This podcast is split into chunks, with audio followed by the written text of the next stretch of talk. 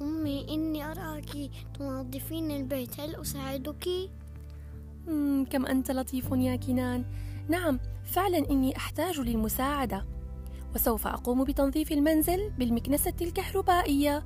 هل تعرف كيف نستخدمها؟ أيوة يا أمي. أحب جدا أن أستخدم المكنسة الكهربائية. هل تعرفين يا أمي؟ خطر على بالي سؤال من اخترع المكنسة الكهربائية ومتى؟ ما شاء الله يا كنان كالعادة أسئلتك رائعة جدا. هيا تعال معي لنبحث ونقرأ مع بعضنا عن المكانس الكهربائية وتاريخها ومن اخترعها. المكنسة الكهربائية كما ترى جهاز كهربائي ينظف بطريقة السحب. تزيل المكانس الكهربائية الأوساخ من المفروشات والسجاد والبلاط. كما يمكن أن تستخدم لإزالة الغبار العالق على الستائر والأثاث المنزلي والآلات وغيرها. في بداية الأمر منذ آلاف السنين كانت الناس تستخدم المكانس القديمة التقليدية المصنوعة من القش بشكل يدوي. ماذا يعني بشكل يدوي يا كنان؟ تعني مصنوعة بأيدي عمال.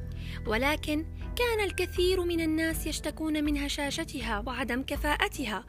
على الرغم من التطورات التي حدثت على هذه المكانس اليدوية إلا أنها ظلت تعتبر ذات جودة ضعيفة. وبما أن التكنيس والتنظيف بها كان يحتاج إلى وقت طويل وجهد كبير فهذا ما دفع الناس للتفكير بطريقة تأخذ وقتا أقل وجهدا أقل وذات كفاءة أعلى. أي طريقه تنظيف أفضل وفي عام 1860 في الولايات المتحدة الأمريكية كان هناك رجل اسمه دانيال هيس دانيال هيس قدم براءة اختراع لإحدى أنواع أجهزة التنظيف عن طريق آلة تقوم بنفخ الغبار والأوساخ ودفعه عن طريق الهواء والتخلص منه في غرفة مياه. كانت هذه أول فكرة لمكنسة كهربائية بدائية، وكان يطلق عليها اسم كاسحة السجاد. ولكن على ما يبدو أن هذا الاختراع ظل ناقصا قليلا ولم يكتمل للحد المطلوب أو لم يستخدم بشكل جدي لأنه لم يكن واضحا. وفي عام 1869 كان هناك شخص اسمه إيفز ميغافي. من شيكاغو. كان يقول تراكم الأوساخ والغبار في المساكن مصدر إزعاج كبير لكل مدبرة أو مدبر منزل. فحاول اختراع وتطوير نفس فكرة دانيال هيس بإضافتين جديدتين. أولهما هو توليد الطاقة يدوياً عن طريق عصا يتم تحريكها باليد إلى الأمام والخلف تقوم بتحريك مروحة بسرعة حتى يتولد طاقة شفط وكلما زادت طاقة التحريك كلما زادت قوة العمل. كان ذلك يحتاج عملا وجهدا كبيرا أيضا. ولكن كانت تبدو أفضل من المكانس اليدوية التقليدية المصنوعة من القش من ناحية جودة العمل.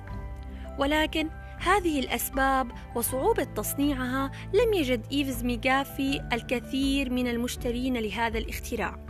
وظلت المكانس الكهربائية تتطور وتتطور بشكل ضعيف جدا جدا خلال ثلاثين عاما تقريبا وهكذا حتى عام 1901 عندما شاهد المهندس المدني الإنشائي الإنجليزي هيربرت بوث وفكر وقال لماذا لا تتم العملية عن طريق الشفط بدل النفخ؟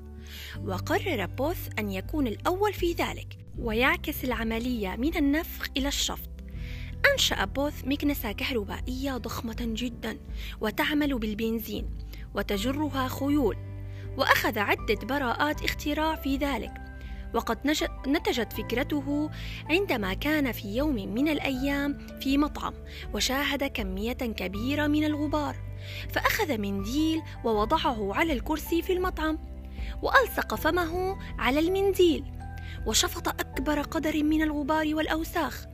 وعندما رفع رأسه وقلب المنديل وجد كمية كبيرة من الغبار والأوساخ قد شفطت على المنديل.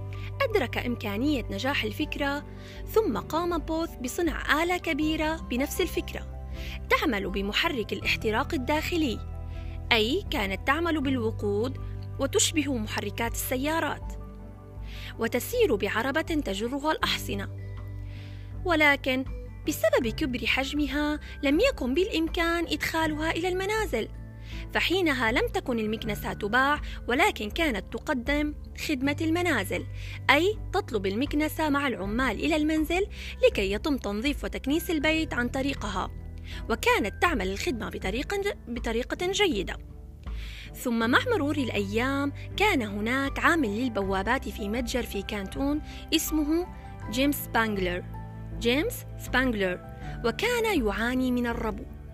وهو مرض يعاني صاحبه من صعوبة في التنفس بعض الأحيان خاصة مع الغبار أو الأتربة.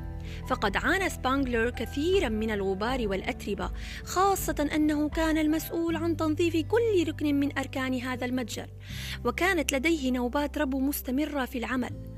وبسبب هذا وبناء على ما يعرفه من قبل بخصوص المكانس الكهربائية قرر صنع مكنسة كهربائية خاصة به لتخفف عنه نوبات الربو. فقام بصنع مكنسة بواسطة أشياء بسيطة كانت توجد عنده مثل علبة صابون ومقبض للمكنسة أي العصا ليمسكها بها ووسادة لجمع الغبار. وكان لديه محرك كهربائي أخرجه من ماكينة خياطة تعمل بالطاقة. ومروحة وفرشاة دوارة. قام بتجميعها وتصنيع هذه الآلة. قامت الآلة بشفط الأتربة والأوساخ وتفجيرها من الخلف بمجمع الغبار أي في كيس مرفق وهو الوسادة. وقامت بالعمل بشكل لا يصدق وبشكل جيد جدا. وأطلق عليها اسم كاسحة الشفط. كان قادرا على تنظيف المبنى بشكل جيد وسريع وانحسرت نوبات الربو عنده. فبدأ بتصميم هذه الآلة وقام بتسجيل اختراع الآلة. بعد حصوله على براءة الاختراع في عام 1908 بدأ يبيع الآلات التي كانت شائعة جدا. لكن لم يكن لديه الكثير من المال لإقامة مصنع وإنتاج كميات كبيرة من هذه الآلة.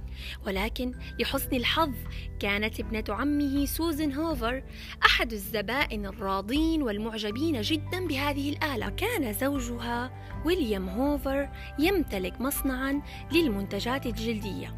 وبعد رؤيته لهذه الآلة فكر ويليام هوفر بالإمكانات التجارية الضخمة لمثل هذا الجهاز.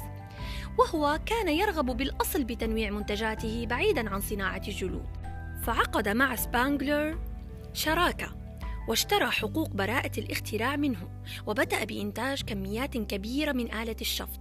كان ويليام هوفر مسوقا رائعا حيث توصل إلى فكرة البائعين من الباب إلى الباب لتوضيح وشرح فكرة كيفية عمل المكنسة. كما وعد الزبائن والعملاء بتجربة الجهاز لمدة عشر أيام بشكل مجاني وإعادته إذا لم يكونوا راضين عنه. وأطلق عليها اسم هوفر. وبحلول عام 1912 المكنسة الكهربائية هوفر امتصت العالم وهيمنت عليه بالكامل حيث أن بعض الناس أصبحت تسمي المكنسة الكهربائية بهوفر. حتى إلى يومنا هذا هناك كثير من الناس يطلق على المكنسة الكهربائية بهوفر علما أنها مجرد علامة تجارية فقط. وهكذا يا كينان نرى أن المكنسة الكهربائية قد مرت في كثير من المراحل وقد شارك فيها الكثير والكثير من المخترعين والمهندسين والأشخاص حتى وصلت إلى الشكل الذي نستخدمه اليوم لقد وصلنا إلى نهاية موضوعنا يا كينان هل أعجبك؟ وهل استطعت تكوين فكرة بسيطة عن المكانس الكهربائية متى وأين ومن اخترعها؟ نعم يا ماما ممتع جدا ومفيد جدا. شكرا لك.